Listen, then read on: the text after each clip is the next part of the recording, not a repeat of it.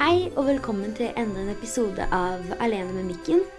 Dette er en episode jeg faktisk gleder meg mest til å spille av alle de ideene jeg har hatt uh, så langt. Den, uh, dette her blir en kjærlighetspod. Jeg har lyst til å ta opp uh, mine forhold, hva jeg har opplevd når det kommer til kjærlighet, kjærlighetssorg, det å være singel, for det er jeg nå, og fortelle litt rundt om det, da. Så egentlig er det bare å starte i gang. Så vi må gå helt tilbake til uh, da jeg var 16 år. Og det var da jeg fikk min første kjæreste. Som jeg ser på som en veldig fin ting å snakke om. Så min første kjæreste da var to år eldre enn meg. Han var også fra Hønefoss, der jeg kom fra. Og vi kjente hverandre egentlig fra før av. Fordi når jeg var eh, jeg vet ikke, 14-15, så pleide jeg og jentene mine da, på den alderen der å henge veldig mye rundt på torvet i Hønefoss. vi fikk oss masse venner der og hang masse der. og synes, Jeg ser skikkelig positivt på den tida der. Og da møtte jeg han, men da var han i et annet forhold. Men da husker jeg og venninnen min hadde et skikkelig crush på han, og vi var skikkelig forelska han, altså. Og Nei, vi bare fikk litt god kontakt med han og sånne ting. Jeg husker han ga meg sånne fine kommentarer og sånne ting, men det var ikke noe mer, fordi han hadde jo kjæreste. Og så bare ble det egentlig glemt, for vi slutta etter hvert å henge i byen, da, som vi kalte det. Og så tok det litt tid, og så ble han singel. Og så, ut av det blå, egentlig, så begynte vi å snakke igjen. Eh, det var egentlig litt morsomt, for jeg husker han skrev til meg på Facebook angående noe vi hadde snakka om for sånn ett eller to Eller ja, noe sånn noen, eller i hvert fall lang stund siden. Og da bare fortsatte vi å snakke. Og så husker jeg første gangen vi hang sammen. Det var veldig spesielt. For det var egentlig rundt den tida her. Litt før, egentlig. Eh, litt i begynnelsen av november. Og så var jeg på en bursdagsfeiring. Skulle jeg sove hos venninnen min, og faren hennes skulle hente meg etter den bursdagen. Og så skulle jeg svenne hele kvelden der. Men istedenfor å bli henta, så møtte jeg da han eh, jeg var sammen med, eh, på torvet. Og så fulgte han meg helt opp til venninnen min. Og vi tok selvfølgelig, eller jeg valgte selvfølgelig den lengste veien å gå, for jeg ville jo ha mest mulig tid med han. Jeg syntes det var så spennende. Det var liksom første gutten som egentlig viste sånn ordentlig interesse i meg, og hvert fall en gutt som jeg syntes var veldig fin. Og jeg husker på den tida var jeg skikkelig sint over at eh, og det er bare gutter som jeg ikke er interessert i, som vi, viser meg interesse. Og dette her var veldig spesielt for meg, da, at endelig en gutt jeg syntes var skikkelig kjekk og skikkelig snill og skikkelig god, eh, likte meg også. Jeg husker det var veldig kaldt. Det var jo to-tre år siden. Og bare gikk og gikk, og rett utenfor huset til venninnen min jeg tror vi kanskje gikk en time, liksom. Rett utenfor huset til venninnen min så stoppa vi, og vi bare snakka og snakka og snakka frem til beina våre frøys i hjel.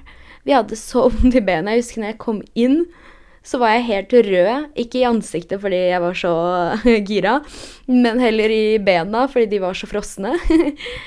Jeg husker først jeg sa til venninnen min da jeg kom inn, jeg bare 'Herregud, du vet ikke hva som skjedde nå.' Hun var jo ikke vant til at jeg hadde vært med noen gutter før på den måten der, så hun var jo veldig spent og begynte å gi meg råd og sånne ting. Og det bare Ja, vi bare snakka med en gang jeg hadde kommet inn i døra også, og teksta masse og sånne ting. Det tok egentlig ikke lang tid før vi ble kjærester. Nei, han var jo Jeg hadde ikke vært som sagt med noen andre gutter før, så det her er veldig spesielt for meg. Og vi var sammen tross alt i to år. Og jeg ser på det forholdet som et egentlig veldig, veldig bra første forhold. For jeg var virkelig veldig, veldig forelska. Han var veldig god og snill mot meg egentlig hele veien. Så nå tenker dere sikkert sånn Ja, men hvis han var så god og snill og sånn, da, hvorfor blei det slutt? Og det var jo egentlig før. For alt jeg har opplevd nå i løpet av de tre åra, så trodde jeg først at det var egentlig hans feil bare hans feil, og det endte jo fordi han var dritt. Men det, jeg har lært med tida at det egentlig ikke var sånn.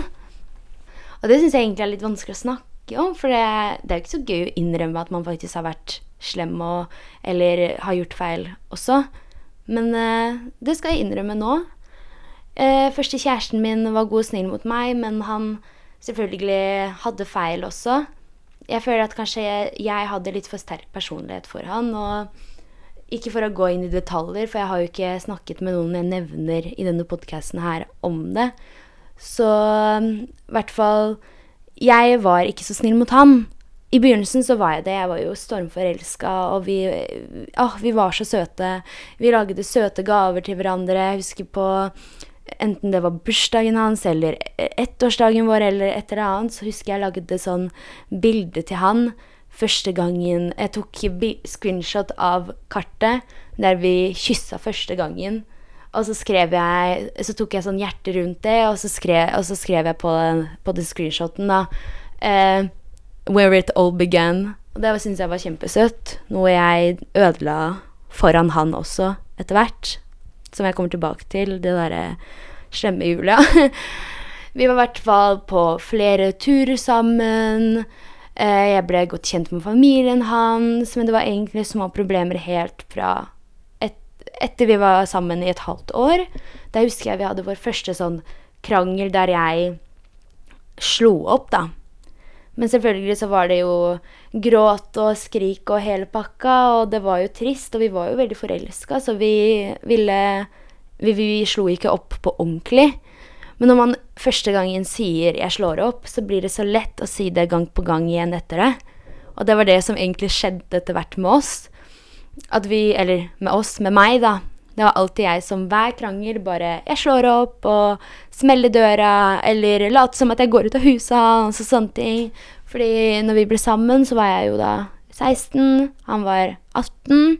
Eller litt eldre, litt usikker. Jeg er i hvert fall to år eldre enn meg. Og han var alltid sånn som alltid gikk etter meg.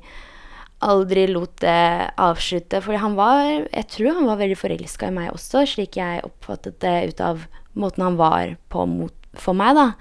Han var veldig sånn person som gjorde alt for meg. Og til slutt så ble man så vant med det at jeg på en måte utnyttet det.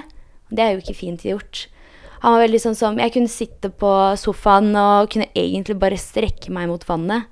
Og jeg var så lat og sa du, kunne være så snill å hente det vannet for meg? Og han gjorde jo det for meg.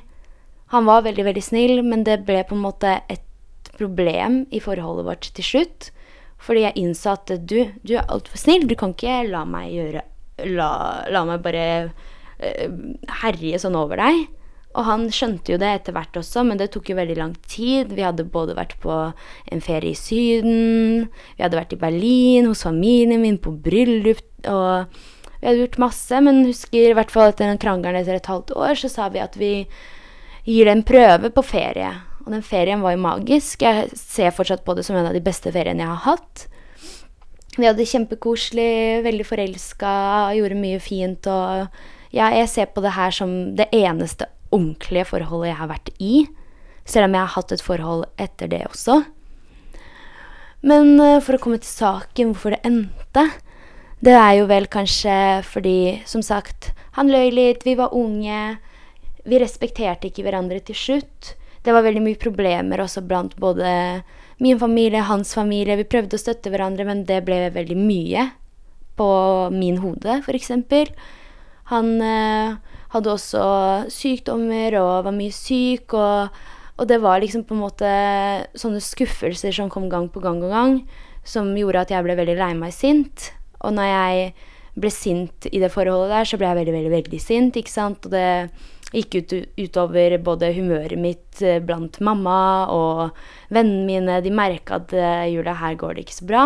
Og de merka at han skuffa jo meg flere ganger pga. forskjellige ting. Han dukket ikke opp arrangementer som han sa han skulle dukke opp på.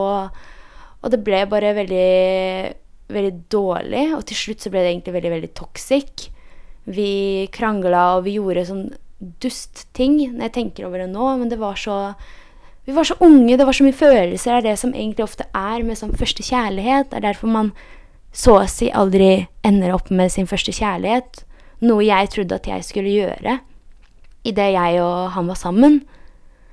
Uh, jeg så på det som et livsforhold, liksom.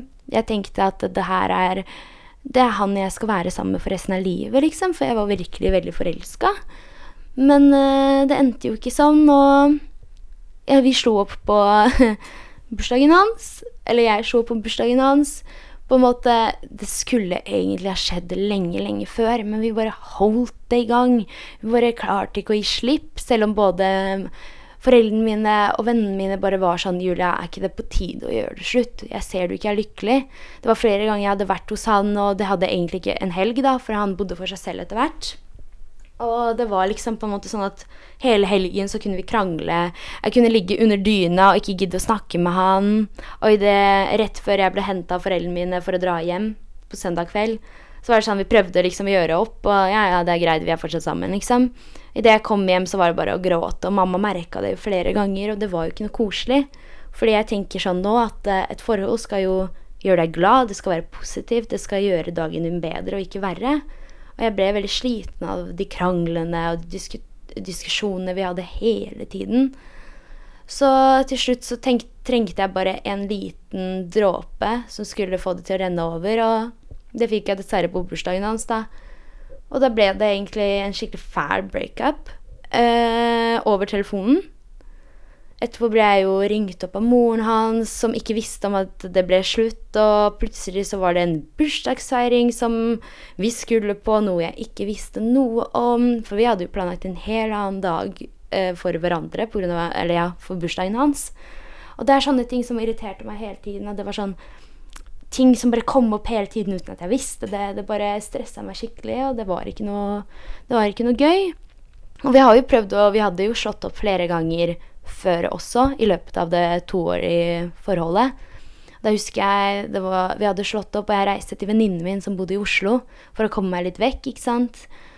Og da var det sånn at jeg reiste dit, og de var liksom veldig støttende, både hun og kjæresten hennes, for vi, vi var egentlig en sånn firekløver. Hennes kjæreste og hun, og jeg og eksen min, da. Og de var veldig sånn støttende for meg og skjønte at det her er ikke så lurt. Ja, det er bra dere slo opp, og jeg håper det går bra for begge av oss, da. De var veldig, veldig gode.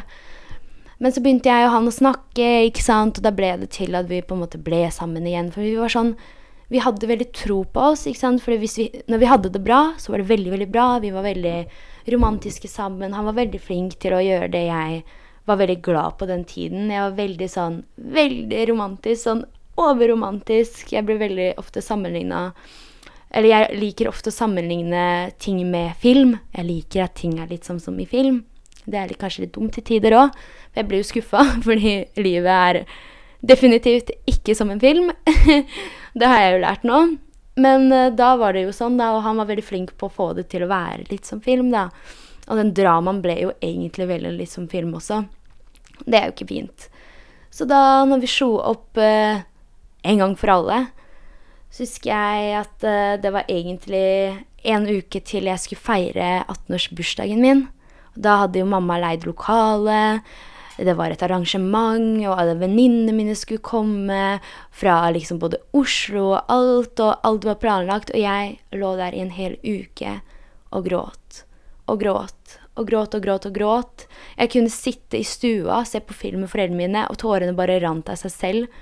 Jeg husker Louis, eh, hunden min, som ikke lever nå lenger. Jeg husker han eh, satt oppå meg og slikka vekk tårene mine og sånn, for jeg bare satt og gråt og gråt og gråt. Jeg var skikkelig fra meg. Jeg husker jeg var på skolen. Og jeg bare begynte å gråte midt i timen, for jeg klarte ikke å slutte å tenke på det. Jeg måtte snakke med læreren om å, om å kunne gå fra skolen, om det var greit, for det var jo fraværsgrensa hadde kommet av hele pakka. Så det var jo ikke alltid så lurt, men hun var veldig forståelsesfull og og sa at det er best at jeg faktisk drar og tar og bruker den tida mi på å faktisk sørge og komme over det.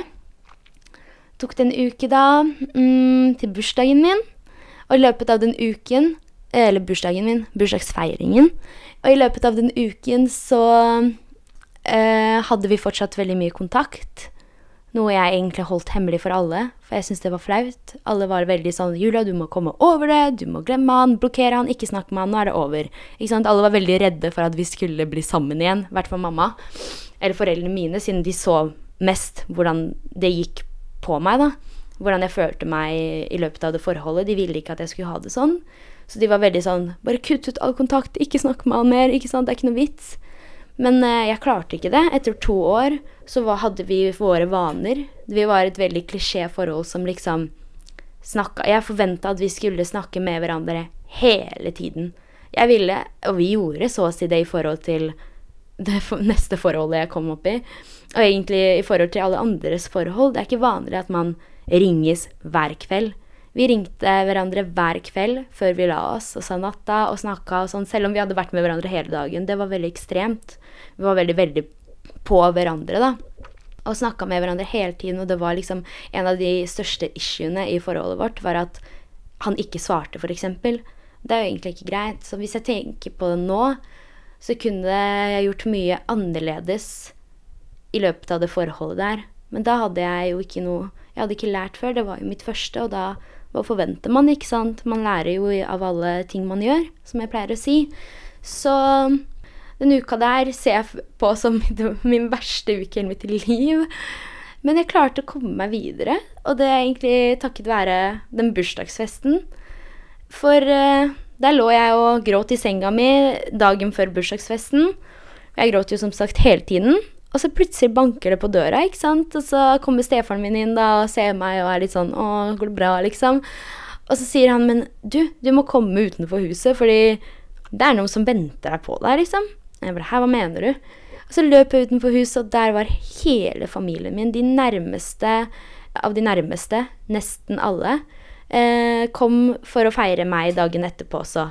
Så det var sånn De kom, og da egentlig ble jeg så rørt at jeg gråt enda mer. Alle de visste hva som hadde skjedd, så de var veldig forståelsesfulle på min situasjon, og de var forståelsesfulle for at jeg var egentlig lei meg. Men de klarte å cheere meg opp på en så syk måte at idet festen kom, så klarte jeg faktisk å glemme det, eh, det at vi hadde slått opp og klarte faktisk å ha det kjempegøy. Det var dritgøy. Og det er egentlig den kvelden som forandret hele livet mitt. Det snudde så virkelig, literally, hele livet mitt opp ned. Jeg ble 18, festa drithardt med både familien og venner, og dro på byen, hadde det dritgøy, kom hjem og våkna egentlig veldig lykkelig. og etter det så uh, hadde jeg fortsatt litt kontakt med han. Og vi på en måte Det var en en liten episode der faktisk så å si nesten ingen vet at vi prøvde litt på nytt. Men jeg blei jo 18, og jeg begynte jo å feste. Idet man begynner å feste, så er man plutselig helt blant et helt annet miljø. Og plutselig var det mange nye gutter, ikke sant, og jeg var jo singel. Fortsatt hadde følelser for eksen min, da, men ikke sånn på den måten som når vi var i forhold. For jeg var veldig trofast kjæreste, og det var han mot meg også. Vi var aldri utro mot hverandre. Og det er jo veldig fint, for det er mange som har dårlige historier rundt akkurat det. Så det er jeg veldig glad for, at jeg aldri har opplevd utroskap. Håper jeg ikke får oppleve det heller. Men uansett, da, back to tema. Vi hadde den lille episoden vår hvor vi møttes litt. Prøvde å liksom gjemme oss, og det var så spennende, ikke sant? for det føltes plutselig som før. Men som sagt så kom den byen og hele pakka. Og da møtte jeg en ny gutt som var egentlig venn med min vennegjeng. Den nye partygjengen min, da. Og det var plutselig så nytt. Han var så mye eldre, og det var bare så gøy at jeg i løpet av den tida jeg prøvde på en måte å henge litt tilbake med eksen min, så kutta jeg han ut fordi jeg fikk følelser for en annen. Det var egentlig gjort på en skikkelig skitten måte når jeg tenker over det nå. Veldig dårlig, fordi jeg hadde ikke sagt ifra til han. Og det var sånn at jeg sa at eh, jeg kan komme til deg, men droppa det og heller Og dro heller til han andre. Det er skikkelig, skikkelig slemt når jeg tenker over det. Ikke hat meg, vær så snill. Jeg var ung og dum, og jeg har lært av det. Men uh, slik endte egentlig det første forholdet mitt, som jeg ser på som veldig, veldig bra forhold. Så kom det nye forholdet med han eldre typen. Han var veldig ny, ikke sant, og det var så annerledes. Han var voksen, han snakka på en helt annen, annen, måte enn det jeg var vant med, ikke sant. Det var ikke, det var ikke sånn som før, da, at det var sånn at vi snakka hele tiden, sånn som jeg gjorde med eksen min. Det var sånn Jeg følte at jeg plutselig måtte kjempe litt selv. Jeg var veldig vant med at det var eksen min fra det første forholdet som gjorde hele jobben. Og på en måte skrev til meg, snakka med meg, selv om da var ikke det nok for meg. Men plutselig merka jeg at oi, shit, det jeg var vant med, det var jo så sykt mye mer enn det jeg kom plutselig opp i. Men jeg, var, jeg ble virkelig skikkelig forelska. Jeg vet ikke helt om jeg ble forelska i personen, men heller kanskje i ideen om hva det her kunne bli, og hvor spennende det her var. Det var bare så sykt gøy, og jeg gjorde, fikk oppleve nye ting. Og han viste liksom helt annen måte å ha et forhold på, da. Men vi var jo ikke kjærester før en stund seinere, da. Vi på en måte begynte å henge litt sammen, snakke litt sammen, men han jobba veldig, veldig mye. Så vi fikk aldri på en måte hengt så mye sammen som jeg ønsket. Det var egentlig det som var så trist for meg, hele det korte forholdet vi hadde. Det var liksom at jeg hele tiden ønsket så gjerne å snakke med han, være med han, for det var jo det jeg var vant med. Men han hadde veldig lite tid, og det var veldig mye festing i det forholdet der. Det var, sånn, det var egentlig det som startet hele festhistorien min i løpet av det året som har vært. Fordi han var veldig ofte på byen og jobba veldig ofte seint. Så han var liksom Idet man skulle på byen, det var da han var ferdig på jobb. Så det var sånn at jeg dro nesten med vilje på byen for å kunne møte han og sånne ting. Jeg skal fortelle en sykt klein og morsom historie. Det var en av de første gangene jeg hadde sovet over hos han. Og, var, og da hadde jeg vært jo på fest, ikke sant, så vi dro hjem til han etter, etter byen, da. Og jeg hadde ikke hilst på foreldrene hans eller noen ting. Jeg hadde jo bare vært der kanskje to ganger før, liksom, og klarte å snike meg ut, ut døra før jeg møtte foreldrene som var oppe i stua. For jeg turte ikke å møte de. Men så måtte jeg dra, da, for jeg skulle bli henta av mamma. Og jeg ville så gjerne ikke møte foreldrene hans, for jeg var så klein. Jeg var skikkelig, skikkelig stressa, liksom. Det var Å, herregud, når jeg tenker over det. Jeg hadde på meg en tettsittende grå kjole skikkelig bustete hår og en sånn sauepelsjakke. Så dere kan se for dere hvordan jeg så ut. Jeg så ut som en, så ut som en hore. Det var ikke fint. Det var fælt. Og sminke fra i går, yes, og, og, hangover i tillegg. Så der kan dere se dere for, for, dere hvordan det så ut. Og det var ikke helt uh, det første inntrykket jeg ville gi av meg. Så idet jeg måtte dra, da, så var foreldrene hans utenfor huset. Så vi gikk ut, da, og jeg bare Nei, må jeg møte de, liksom? Men jeg måtte bare dra, så da måtte jeg hilse på, da. Og da hilste jeg, og så var jeg den kommentaren, da. er du ikke litt kald? det er det første moren til den andre kjæresten min sa til meg. Er du ikke litt kald? For jeg så jo ikke ut. Jo, det var jo vinter. Jeg var jo eh, langt over november, liksom. Og det var Nei. Det der er en katastrofe. Aldri gjør det der. Uh, uansett, da, så hilste vi, og han bare holdt rundt meg ved siden av moren og sånn, og jeg syntes det bare var helt forferdelig kleint. Og jeg tenkte hele tiden sånn Shit, hva tenker de om meg da? Jeg er jo så ung. For han der var jo mye syv år eldre enn meg. Nei. Fem, fem eller syv år eldre enn meg. Nå husker jeg ikke engang. Uh, uansett så hilste jeg på foreldrene, og det gikk jo greit. Etter hvert så kom jeg litt oftere og oftere og sånn. Men jeg med tida så ville jeg ha litt mer, ikke sant. Jeg ville at vi skulle henge mer sammen, men han hadde virkelig ikke muligheten til det. Og da ble jeg jo selvfølgelig skuffa og lei meg, og eh, det var veldig ofte sånn at vi kunne planlegge en kveld, og ok, da møtes vi da, og så ble det aldri Og så plutselig i siste liten så avlyste han og sånne ting.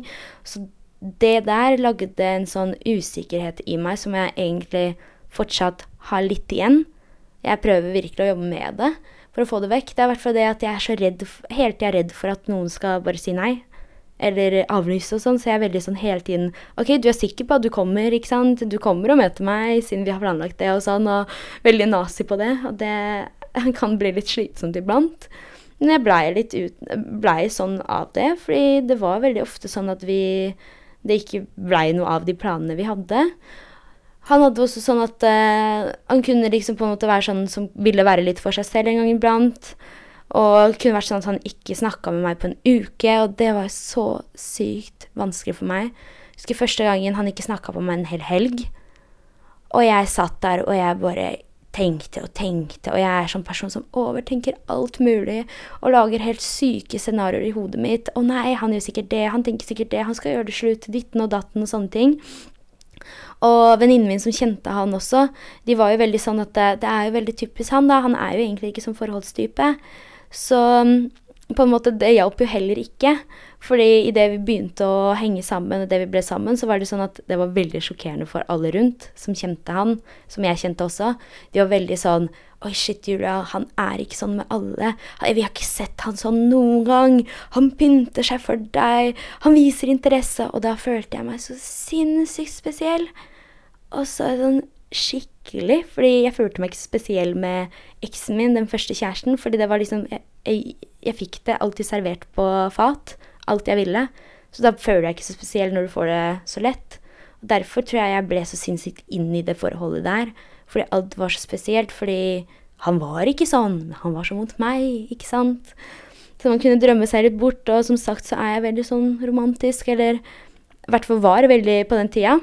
Så da ble det veldig ofte sånn at en gang iblant så var det sånn at han måtte ta seg litt tid for seg selv og ikke orka å snakke og sånne ting. Så da, og det ble veldig veldig slitsomt for meg. Og jeg prøvde så hardt jeg kunne å gi han den spacen han trengte, liksom, og den tiden og alt det der, men det bare ble for mye, liksom. Og det ble veldig sånn at han følte at uh, ja, men kanskje det ikke er vits at vi er sammen, siden det er sånn, og at han vet jeg ikke er fornøyd, at det ikke er sånn som jeg vil. Men jeg bare Jeg husker venninnen min spurte meg er det verdt det? Vil du heller ha det sånn som du har det nå? For jeg hadde egentlig ganske vondt og tungt. Og hun spurte meg vil du heller ha det så tungt som du har det, og fortsatt ha han. Da blir du med han. Hvis ikke, så er det bare å slå opp og gjøre det slutt, for det er ikke noe vits. Og jeg husker jeg sa men jeg vil heller være med han og fortsatt ha det sånn. Så da fortsatte vi litt. Jeg tror vi var sammen til slutt kanskje i et halvt år, da. Vi klarte på det halve året å dra på en tur sammen, og det var veldig spesielt, for jeg skulle på tur til Krakow med klassen, og han skulle på tur til Krakow for å besøke legen, for det er mye billigere tannlege i Krakow. Og så plutselig endte det opp at vi dro på samme tid. Det var veldig gøy. Og da husker jeg virkelig, uten å overdrive, jeg sov ikke én natt på hotellet mitt. Siden jeg er polsk, og vi var i Krakow, som er i Polen, så fikk jeg veldig mye tillit av lærerne mine om å på en måte Jeg fikk lov til å sove over hos han, fordi jeg sa at jeg kjenner meg litt til byen, noe jeg egentlig ikke gjorde så godt, men jeg klarte meg fint. Og jeg hadde jo familie der også, som jeg møtte sammen med han og sånne ting. Og jeg var egentlig veldig lite med klassen generelt, for jeg var veldig mye med han jeg var sammen med på den tiden der, da. Og den turen var egentlig veldig spesiell, da, fordi ordet 'elsker deg' er jo egentlig veldig, veldig viktig, da. Jeg husker i det første forholdet mitt var det sånn at uh, at uh, vi på en måte sa det litt likt, da. Vi var sånn, vi drev og tulla hele tiden og sa sånn 'Jeg elsker kake. Jeg elsker å shoppe.' Skjønner du? Vi begynte hele tiden å si sånn 'Jeg elsker', og alltid sa noe annet enn deg. Til slutt så ble det bare naturlig at vi sa 'jeg elsker deg'. Men på den turen der med han andre kjæresten min, så var det han som sa det først, og det var veldig spesielt for meg, da, det husker jeg, og jeg følte liksom sånn Å, han er jo ikke sånn! Og han gjør det mot meg! Igjen, ikke sant? Det var bare sånn småting som han gjorde, som egentlig ikke var så spesielt for vanlige forhold å være. Men siden jeg visste hvordan han egentlig, at han ikke var så forholdsperson, så var det spesielt at han var sånn mot meg, da. Men dette forholdet der endte egentlig veldig, veldig dårlig. Det er egentlig det som på en måte gjorde at jeg ble veldig, veldig eh, lukka om jeg kan si det sånn. Jeg ble på en måte brent, da. Jeg turte ikke å satse etter det, fordi det, det endte så, så, trist. Det hele endte med at uh, vi hadde ikke snakka kanskje i to uker. Bare sånne små sånn derre meg klager på hvorfor ikke snakker og sånne ting. Og nei, og jeg syntes det var så trist at han heller var hos vennene sine enn meg når han endelig hadde fri. Det bare var skikkelig trist. Og vi hadde en liten diskusjon om å kanskje slå opp, ikke sant, men jeg ba på mine knær, så å si. Vær så snill, kanskje vi burde heller snakke om Det er ikke noe vits at vi snakker over det på telefon. For jeg vil ikke gjøre den samme feilen igjen, at man slår opp over telefon, for jeg syns det er så sykt teit og barnslig. Uh, så vi planla om å møtes etter de to ukene med stillhet, så å si. Og da planla vi Han bodde jo rett ved venninnen min, som var egentlig veldig ideelt for meg. Da var det sånn, Hvis jeg var hos venninna mi, så var det sånn at jeg venta på at jeg endelig kunne dra til han. Men vi hadde i hvert fall planlagt om å møtes der de bodde. Og så var jeg liksom veldig klar, og jeg hadde snakka med hun, og jeg tenkte, sånn, tenkte over hele situasjonen og kom fram til at eh, kanskje det her faktisk ikke er et forhold jeg vil være i. Men jeg var fortsatt veldig veldig glad i han, og jeg skjønte at eh, siden han jobba så mye, og alt det der, så var det på en måte ikke noe vits å mase mer på han for at han skal møte meg, for det blir bare slitsomt for oss begge, og jeg er lei meg sånn. Så jeg tenkte egentlig å på en måte avslutte dette forholdet, men som venner, ikke slik det forrige forholdet mitt endte. Vi ble jo på en måte uvenner, jeg og han første kjæresten min, fordi jeg endte det så stygt som jeg gjorde.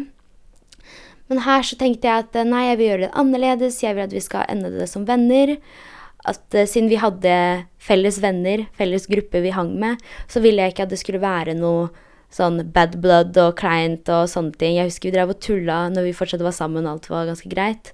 Så tulla vi om at ok, men da deler vi vennene våre. At du får de og de, og så får jeg de og de, og så kan vi switche og sånne ting. Det var litt morsomt, vi tulla med det. Og jeg ville ikke at det skulle bli sånn, sånn som vi tulla. Jeg ville at vi skulle fortsatt være cool med hverandre, for jeg var jo glad i han, og jeg ville at uh, fortsatt at vi kunne ha en god tone, da. Så jeg var veldig stressa, men uh, gira for å få på en måte snakka om det. Men idet vi skulle møtes, og klokka var da vi skulle møtes, da, så skrev jeg melding bare sånn Ja, er du klar? Skal vi møtes? Så får jeg ikke noe svar. Så får jeg ikke noe svar på en time. Jeg begynner å bli dritstressa, få klump i magen, puste tungt. Sånne der skikkelig typiske sånn angst... Øh, angstgreier, da. Jeg satt der og bare Nei, du snakker med venninna mi, da. Og bare Nei, du, det, han kommer ikke til å svare. Hva er det som skjer? Og hun bare Han har sikkert sovna, for det har skjedd flere ganger også. Han var jo så sliten etter jobb og sånne ting. Han jobba jo lenge. Og jeg bare Han har sikkert sovna. Så dagen etterpå ser jeg at han har vært på, og han har fortsatt ikke svart. Så han møtte ikke opp på det møtet der vi skulle snakke ut om de tingene. Jeg vet Jeg har ikke snakket med han til nå, egentlig, så jeg vet fortsatt ikke hvorfor han ikke møtte opp. Men når jeg tenker over det nå, så er jeg egentlig veldig, veldig takknemlig for at han ikke møtte opp. fordi selv om jeg trodde at jeg skulle avslutte det, så vet jeg ikke om hvis han hadde sagt noe fint til meg og fått meg til å føle meg spesiell igjen, om jeg hadde faktisk klart å gjøre det. Så det er kanskje det lureste av oss, og det var, det var ikke et bra forhold. Det var veldig sånn Jeg hadde jo lyst til at han skulle møte foreldrene mine. Jeg hadde lyst til å få gaver på valentines og sånne ting, og det bare skjedde aldri, ikke sant. Det var ikke sånn type forhold jeg var i. Jeg hadde altfor store forventninger til han. Og det var jo litt min feil òg, for han var veldig klar med hva han, eh, hva han ville, da. Eller så å si, da. Han gjorde jo sånne småting som fikk meg til å tenke annerledes, ikke sant. Men eh, ja, hele det forholdet, hvis jeg skal beskrive det med tre ord, så er det egentlig veldig komplisert, mm, trist og mye alkohol. jeg husker de første ukene var det sånn at vi bare, bare drakk. Vi var nesten ikke med hverandre edru. Men det endte jo med at vi hang jo sammen og, og sånne ting. Men jeg fikk jo ikke feira nyttårsaften med han. Jeg fikk ikke ikke? Jeg fikk ikke alt det jeg ønska meg. Jeg fikk ikke feire 17. mai og alle de tingene som er vanlig å feire med kjæresten sin, som jeg var vant med å gjøre også med kjæresten min, eller han første. Og det skjedde bare ikke, og når vi slo opp, så var jeg helt knust, ass. Det var skikkelig, skikkelig trist, fordi jeg følte det skjedde på en sånn sykt råtten måte. Jeg var så sykt sur. Jeg var skikkelig, skikkelig knust, fordi jeg følte bare sånn at jeg var ikke verdt en dritt. Fordi, eh, fordi han ikke gadd å møte meg engang. Han gadd ikke på en måte å avslutte det som en voksen person hadde gjort det. Og han var jo voksen, så jeg så på en måte så ikke det komme. Og helga etter eh, vi skulle egentlig møtes, og vi hadde jo ikke snakka, vi har ikke snakka eller noen ting, så er jeg på byen, da, siden det var jo min vanlige ritual å dra på byen eh, hver helg. Så var jeg på byen med tremenningen min sitter vi på en krakk midt på torvet, og det er sånn du må gå gjennom torvet for å gå til forskjellige klubber og sånn. Så vi satt oss på den krakken og kanskje tok en sigg, jeg husker ikke. Og da husker jeg han gikk forbi. Og jeg ble jo Hjertet mitt stoppa jo opp. Jeg hadde jo ikke sett ham på dritlenge. I hvert fall to-tre uker, liksom. Og det var ganske lenge for meg, når det var liksom en uke siden vi var kjærester. og han så på meg. Jeg så på han. Jeg så ned og han gikk videre. Dere klarer å se det for dere. Og det, det var helt jævlig. Så idet han gikk forbi, så braste jeg bare i hyl og gråt. Jeg syntes det var skikkelig trist.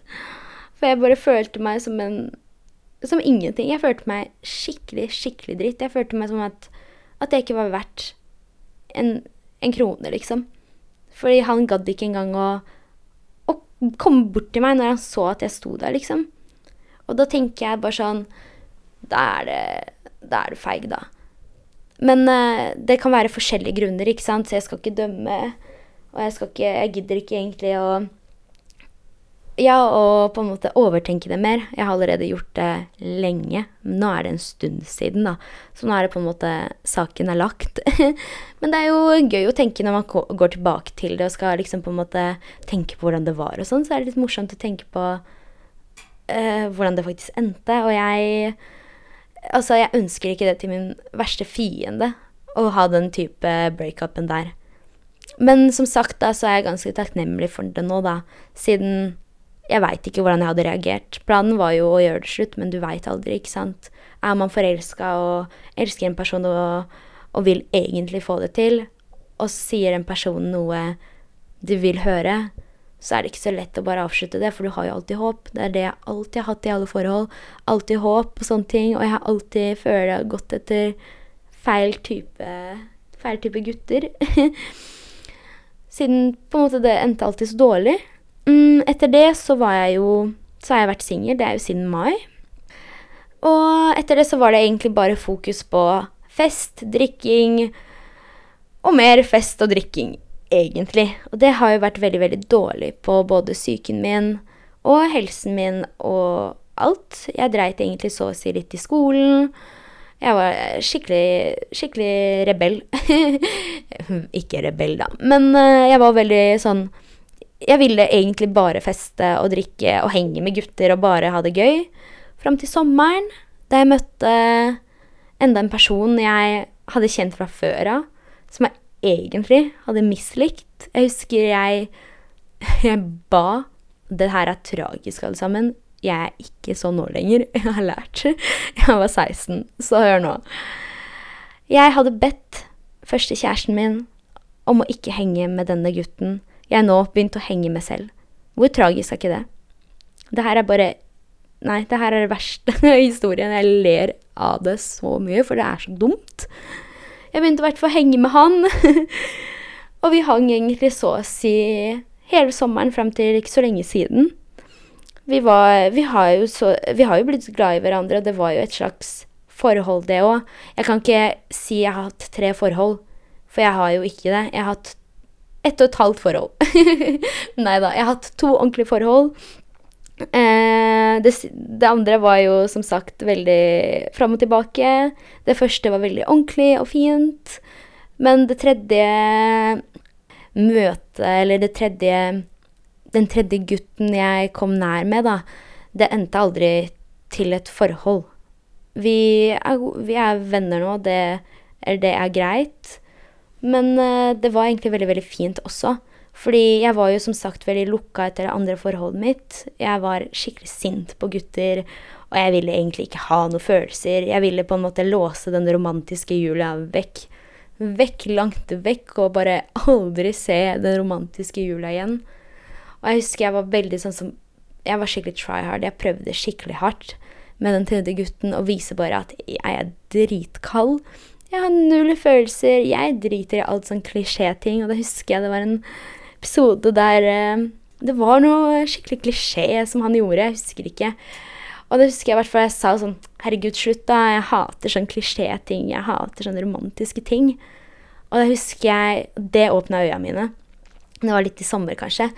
Og han sa til meg Vet du hva, Julia, Jeg tror faktisk du bare later som.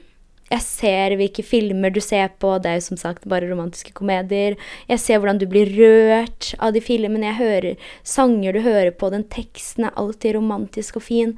Og jeg tror faktisk ikke du er så kald som du skal ha det til. Du bare prøver å låse det ute. Og jeg visste ikke hva jeg skulle svare, for jeg bare satt der og bare Åh, har du gjennomskua meg, du? og da var jeg så skuffa, fordi da er det ikke noe vits å late mer som at jeg er så kald, for jeg var jo ikke det. Det var da jeg begynte å åpne meg litt, da, og vi, vi hang jo så å si med hverandre hver eneste dag. Det var da jeg hadde fått den nye Jeg hadde flytta hjemmefra, for det var jo sommer. Det var da jeg flytta midt i byen i Hønefoss med en venninne. Og det var også sånn Jeg følte meg så fri, som jeg hadde sagt, som jeg snakka i første podkasten. I første episoden. Og da på en måte flytta han så å si inn til meg. Vi sov med hverandre hver eneste natt. Vi koste, vi så på film, vi reiste sammen til Oslo, han møtte mine venninner. Det var liksom alt, alt, det man gjør som kjærester. Men vi sa at eh, nei, nei, vi er ikke kjærester. Og vi sa det til hverandre at det her er ikke noe. Vi skal ikke bli noe uansett. Vi hadde snakka om det og var klar for det. Og, og, det var liksom Jeg var skikkelig klar over det, og jeg var veldig, veldig flink veldig lenge med å tenke at det her er ikke et forhold, vi kommer ikke til å bli sammen uansett. Men det var bare koselig å ha noen å henge med. Som klarte faktisk å se den virkelige meg, da. Og åpne meg litt. Det er jeg veldig, veldig takknemlig for, for det er jo ikke noe, det er ikke noe sunt å gå rundt og, og faktisk eh, late som man er en annen person. Det ble veldig slitsomt i lengden, så jeg ga det jo opp etter den samtalen vi hadde, når han gjennomskua meg. Og da begynte jeg å åpne meg litt, og, og idet jeg begynte å åpne meg litt, så begynte han å kanskje bli litt redd, da. At det kunne bli mer. Og både han og egentlig jeg òg var ikke klar for et nytt forhold. Vi var liksom Ja, vi, vi var så å si nylig single begge to, eller jeg vet ikke, jeg husker ikke helt med han, men han var i hvert fall singel, han òg. Og vi var på en måte på den fasen der vi ville finne oss selv. Fordi jeg hadde fått ganske mange issues etter det, første, etter det andre forholdet. Jeg fikk både Eller jeg kan ikke si at det er pga. det forholdet, men i løpet av det andre forholdet begynte jeg å få angst. Jeg hadde Pga. kanskje den usikkerheten, jeg vet ikke, hvert fall hver gang jeg fikk en melding av han, og vi hadde f.eks. planer, så klarte jeg nesten ikke å puste. Jeg var livredd for å åpne snappen. Altså, jeg var, altså, jeg var livredd. Jeg skjalv nesten. Jeg fikk i hvert fall ikke puste, det husker jeg veldig godt, og det, hadde, det har jeg hatt veldig lenge Altså, jeg har hatt det fram til egentlig så å si nå. Nå har det blitt mye bedre, da. Men det er i hvert fall det at jeg Idet jeg ble stressa, så fikk jeg ikke puste, for jeg var så redd at han skulle avlyse planene våre, som noen ganger øh, skjedde, da. Men øh, Og det Han tredje gutten var egentlig veldig, veldig flink på å forstå det. Han var veldig flink til å hjelpe meg med det. Og jeg angrer ikke på ett sekund av uh, det lille, jeg vet ikke, forholdet som vi hadde i sommer. Det lærte meg veldig mye, og, og veldig glad for at det ikke ble til et forhold. Fordi som sagt, jeg var ikke klar for det. Det som er greia, er at uh, når jeg og førstekjæresten min slo opp, så burde jeg da ta tiden uh, og bruke den tiden på å være aleine, lære meg å være aleine. Men siden jeg kom i et nytt forhold med en gang som faktisk ikke var så veldig bra for meg, mm, det gjorde at idet det forholdet ble slutt, så var det på en måte Jeg måtte gå gjennom to hjertesorg, ikke sant? Og det var veldig veldig vanskelig for meg å være aleine. Det ble et skikkelig stort problem. Jeg klarte ikke det. Så når han tredje gutten kom i spillet, så redda det meg litt, fordi For plutselig så hadde jeg noen der hele tiden. Og det var jo sommerferie, han hadde mye fri, jeg hadde jo fri hele tiden. Jeg hadde litt jobb, han hadde litt jobb. Men vi var med hverandre ellers. Hvis ikke jobb, så var vi med hverandre hele tiden. Han kunne også komme innom jobben min. Det var sånn at han kunne ha nøkkelen til leiligheten min, liksom. Vi var så å si bodde sammen. Vi våkna sammen, la oss sammen, og det var veldig, veldig forholdaktig. Men uh, dette avslutta da egentlig veldig morsomt. Um, vi, Idet jeg flytta Vi ble jo kasta ut av den første leiligheten. Da var, vi, da var jeg faktisk med han på Nesodden med en venninne og kjæresten hennes som bodde der. Og jeg fikk en melding om at uh, ja, vi ble kasta ut, vi må flytte inn en måned. Og jeg hadde ikke trivdes så veldig i den leiligheten heller. Jeg vet ikke, det bare var ikke noe for meg.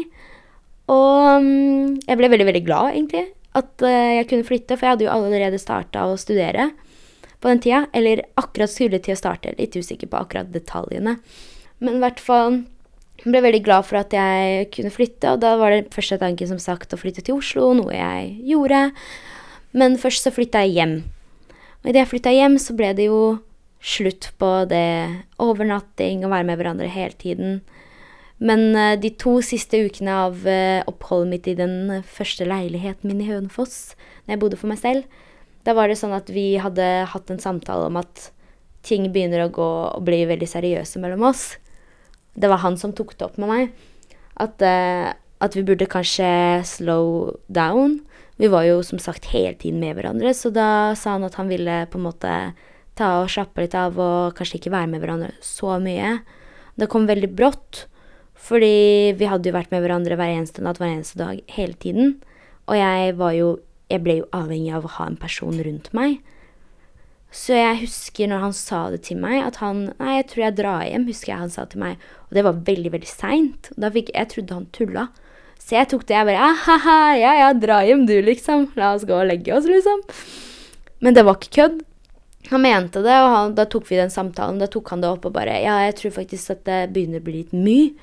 At, uh, fordi jeg, jeg, kan ikke ha noe forhold, husker jeg sa til meg. Og jeg var jo Jeg sa sånn Ja, ja, men vi har jo ikke et forhold. Vi skal ikke ha et forhold. Vi bare henger. Og det var det jeg tenkte, ikke sant. Men selvfølgelig, henger man så mye som man gjør, så får man en slags følelser. Man blir jo glad i hverandre, man blir jo vant med hverandre. Og hvis man fortsetter sånn, så ender man opp i et forhold. Og hvis man ikke er klar for det, så ender det forholdet dårlig. Så det var egentlig veldig fint at han på en måte forutså det, og han sa det til meg. Han bare var veldig klar for at uh, det her kom ikke til å ende bra uansett, for jeg, han var ikke klar for det. Og begge visste at jeg egentlig ikke var klar for det heller. Men jeg fikk jo den sykeste angstanfallet noensinne den kvelden der. For jeg ble så sinnssykt redd for å være aleine. Jeg, jeg hadde ikke sett det komme i det hele tatt, i hvert fall ikke så sent på kvelden. Og da Jeg klarte ikke å puste. Jeg fikk jo helt Altså, jeg var gæren. jeg bare gråt og fikk ikke puste. Og det var ikke det at vi skulle henge mindre sammen. Det var ikke det. Det var bare den greia at jeg ikke ville være aleine så brått. Så han blei jo igjen, fordi jeg fikk jo ikke puste. Så han, han var veldig flink til å roe meg ned i slike situasjoner. Og um, han blei igjen, men etter det så begynte vi å henge mindre sammen, da. Men til slutt så ble det på en måte sånn at vi alltid på en måte endte opp med hverandre allikevel etter fest og sånne ting, for det var fortsatt den tida jeg festa. um, og så flytta jeg som sagt til mamma, og da begynte det å bli mindre og mindre av det. Men så plutselig skulle jeg en tur til Polen med mamma. Men da ble hunden min alvorlig syk, og mamma ville ikke reise fra han. Eh, så på en måte vi måtte avbestille billetten til mamma eller bytte navn. Og venninnene mine jobba og alt det der, så da endte det med at han dro med meg til Polen. Og møtte familien og hele pakka. Skikkelig typisk forhold. Og turen var egentlig sånn. Vi var eh, som et sånn gammelt ektepar og gikk rundt der og krangla, og han møtte bestemor og prøvde polsk mat, og det var bare sånn skikkelig typisk, og det var egentlig ikke så koselig på den turen, jeg vet ikke. Vi bare Vi har, har egentlig vært veldig sånn Han er faktisk den, den eh, eneste av de tre guttene jeg har vært så mye med, som jeg har hatt så bra samtale, samtale med. Vi snakka veldig fint sammen, vi var veldig eh, like der. Men i Polen så bare krasja det. Jeg vet ikke hva. Kanskje begge skjønte at dette her er bare så rart at vi dro på det sammen. Og kanskje vi begge prøvde å holde det fortsatt i gang fordi vi savna det. Jeg vet ikke, men den turen var ikke noe bra. Det endte med masse drama, og idet vi kom hjem fra Polen, så endte vi dette vennskapet helt. Og tok noen måneder, eller tok to måneder kanskje, til vi fikk litt kontakt igjen og på en måte eh, sa hva vi syntes var vondt, hva vi var lei oss for, og eh, har en god kontakt. Eller ja Har ikke noe bad blood imellom hverandre, i hvert fall. Jeg bor jo som sagt i Oslo, og det er ikke så lett å ha kontakt med folk som bor i Hønefoss, som er nesten en halv time, eller en time og kvarter unna Oslo. Pluss eh, Det bare Nei. Jeg vet ikke. Jeg har alltid fått høre av stefaren min at man skal Det er en, et gammelt polsk ordtak. At eh, man går inn, ikke inn i samme uh, sjøen igjen. Eller noe sånt er det i hvert fall. Og, så jeg prøver å holde meg til det, da. Fordi som sagt, så Med førstekjæresten prøvde vi på en måte litt igjen, i skjul. Det endte jo veldig dårlig. Med andrekjæresten så ble det jo slutt. Aldri snakka igjen. Så det er litt dumt, for jeg syns det er så kjipt å ha bad blood med noen som helst. Jeg skulle ønske at vi kunne på en måte bare For jeg bærer ikke noe nag. Det er det. I begynnelsen så var jeg jo furious. Jeg var så sint. Det er sånn Jeg var så sint at jeg slo til veggen av sinne, liksom, når jeg snakka om det. Jeg var så sint og forbanna. Men etter hvert så gikk jo det over, og på en måte jeg føler hver gang du er med en ny gutt, så er det på en måte en slags eh, trøst, og du glemmer det forrige forholdet fordi du er plutselig med en ny person som tar alle tankene dine. Men denne gangen så har jeg faktisk vært veldig flink. Holdt meg unna. Eh, slutta å feste.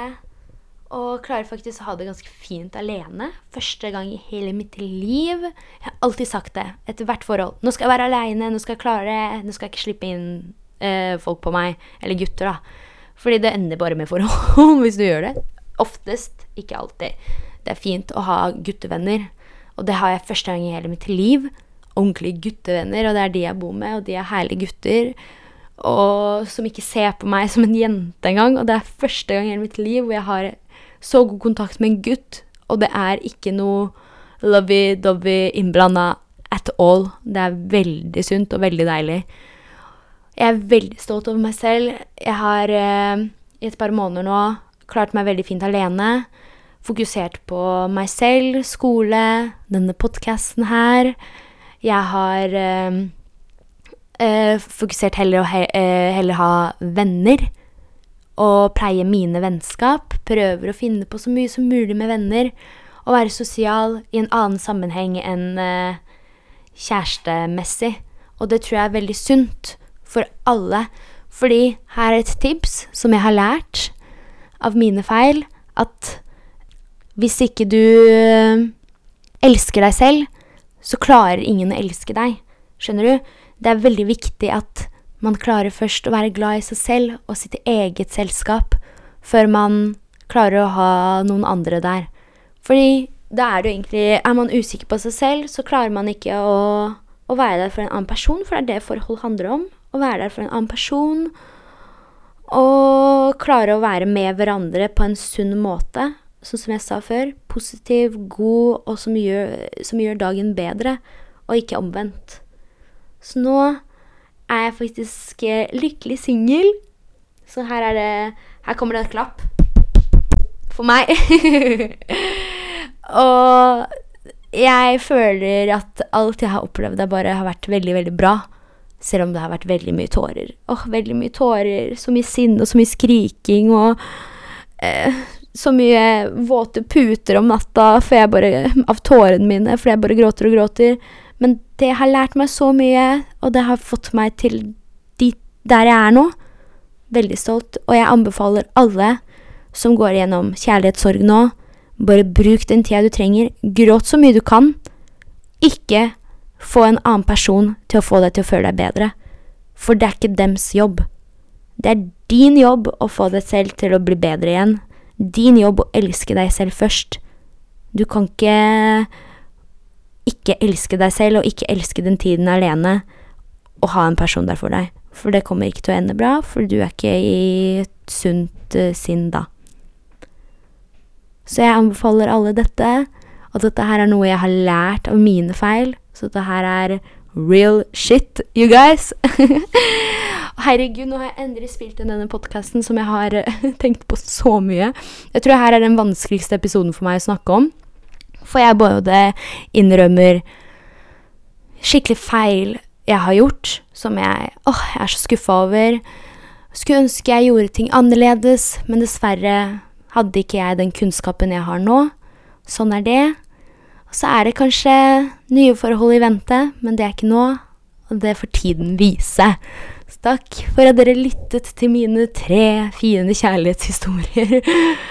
Og fint hvis eh, dere har noen herlige historier selv, og bare send det inn til meg, for jeg elsker sånt. Nå skal ikke jeg late som jeg er en annen person. Jeg elsker romantikk, jeg elsker kjærlighet, og jeg elsker alt sånt, så bare send meg inn. Og send gjerne tilbakemelding på hva dere syns om en slik podkast. For her prøvde jeg virkelig å være personlig og ærlig. Så snakkes!